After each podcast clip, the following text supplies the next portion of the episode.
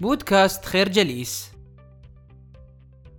العالم مليء بالحضارات والثقافات الفريدة. كل منها له عاداته وتقاليده الخاصة والتي تساهم جميعها في صحتنا وعافيتنا العالمية. إذا كنت ترغب في العيش لفترة أطول فإنه من الجدير بك التحقيق في المناطق الزرقاء وهي المناطق في العالم حيث يعيش الأفراد بفضل عاداتهم الصحية لفترات أطول من أي مكان آخر. إحدى المناطق الأولى التي جذبت الانتباه بفضل سكانها الذين يعيشون لفترات طويلة وصحية غير عادية هي جزيرة سردينيا الإيطالية. كشفت الأبحاث التي أجريت في عام 2011 أنه في المتوسط حوالي واحد من كل 600 شخص في منطقة بارباجيا الجبلية في سردينيا يعيش حتى سن المئة بالمقارنة مع واحد من كل أربعة آلاف في الولايات المتحدة.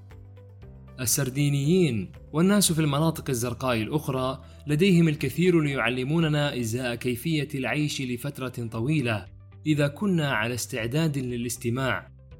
كما سترى ليست جيناتك هي العامل الذي يؤثر بشكل كبير على عمرك الافتراضي بل نمط حياتك. نرى دليلا على ذلك في دراسة دنماركية على أكثر من 2500 توأم. حيث كشفت أنه من بين جميع العوامل التي تساهم في العمر الطويل تمثل جيناتنا فقط حوالي 25% الحقيقة حول العيش لفترة أطول هي أنه لا توجد تغييرات في نمط الحياة أو حبوب سحرية ستوقف عملية الشيخوخة. ستشيخ دائما يوما بعد يوم بغض النظر عما تفعله. ومع ذلك يمكن تسريع أو تباطؤ عملية الشيخوخه وقد أظهر السكان في المناطق الزرقاء طرقا فعالة لوقف هذه العملية الفكرة عوامل مختلفة مثل الغذاء ونمط الحياة والعلاقات الاجتماعية تسهم في زيادة عمرك الافتراضي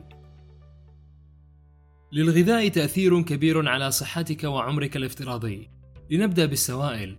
تأكد من شرب ما يكفي من الماء. منطقة لوما ليندا هي المنطقة الزرقاء الوحيدة في الولايات المتحدة، وتظهر مدى أهمية شرب ما يكفي من الماء. بدلا من المشروبات الأخرى، يشربون الماء من خمسة إلى ستة أكواب في اليوم.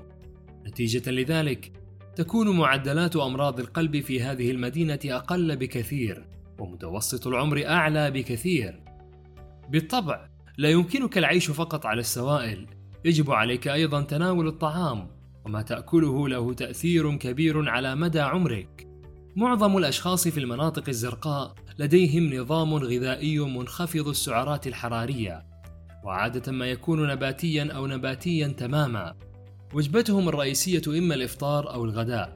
العشاء دائما خفيف، في المنطقة الزرقاء اليابانية في أوكيناوا لديهم فلسفة خاصة بشأن الطعام يقيدون بشكل متعمد استهلاك السعرات الحرارية ويذكرون أنفسهم بأن يتناولوا فقط حتى يصلوا إلى 80% من الشبع هذا يبطئ عملية الأيض في الجسم مما يساعد على تقليل كمية المواد المؤكسدة الضارة في الجسم الفكرة للغذاء والشراب تأثير كبير على عمرك وصحتك. العيش لفترة أطول لا يتعلق بما تضعه في بطنك فقط، وإنما يتعلق أيضا بكيفية تمرين عقلك.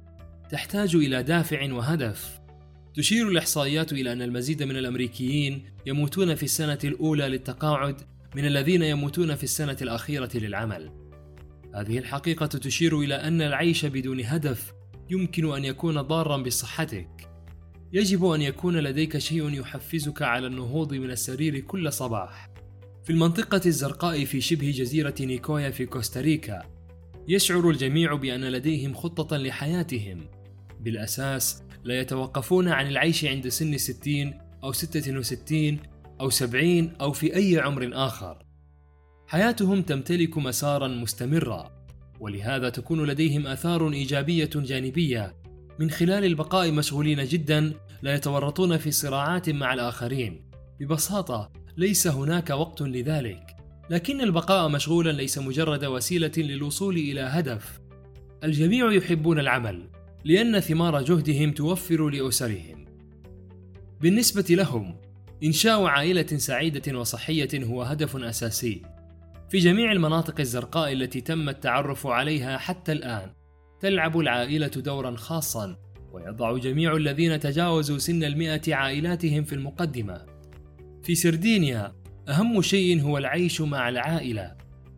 من السكان الذين يصلون إلى سن المئة يستطيع 95% القيام بذلك فقط لأن لديهم ابنة أو حفيدة لرعايتهم. والمئويون يتبادلون في هذه العلاقة من خلال تقديم الحب ورعاية الأطفال والتحفيز وغالبا حتى المساعدة المالية. العائلة لا تعمل فقط كشبكة دعم، بل هناك علاقة بين احترام كبار السن والعمر الطويل أيضا. فقط عندما يتوقع من كبار السن تقديم المساعدة يشعرون بأن لهم قيمة ولديهم هدف واضح. الفكرة العائلة والهدف في الحياة من أسباب طول العمر. تحدثنا كثيرا عن الأمور التي يجب عليك فعلها لتمديد عمرك، والآن سنتحدث عن شيء يجب عليك تجنبه، ألا وهو التوتر. تستخدم جميع المناطق الزرقاء أساليب لتقليل التوتر، كل منها مختلفة.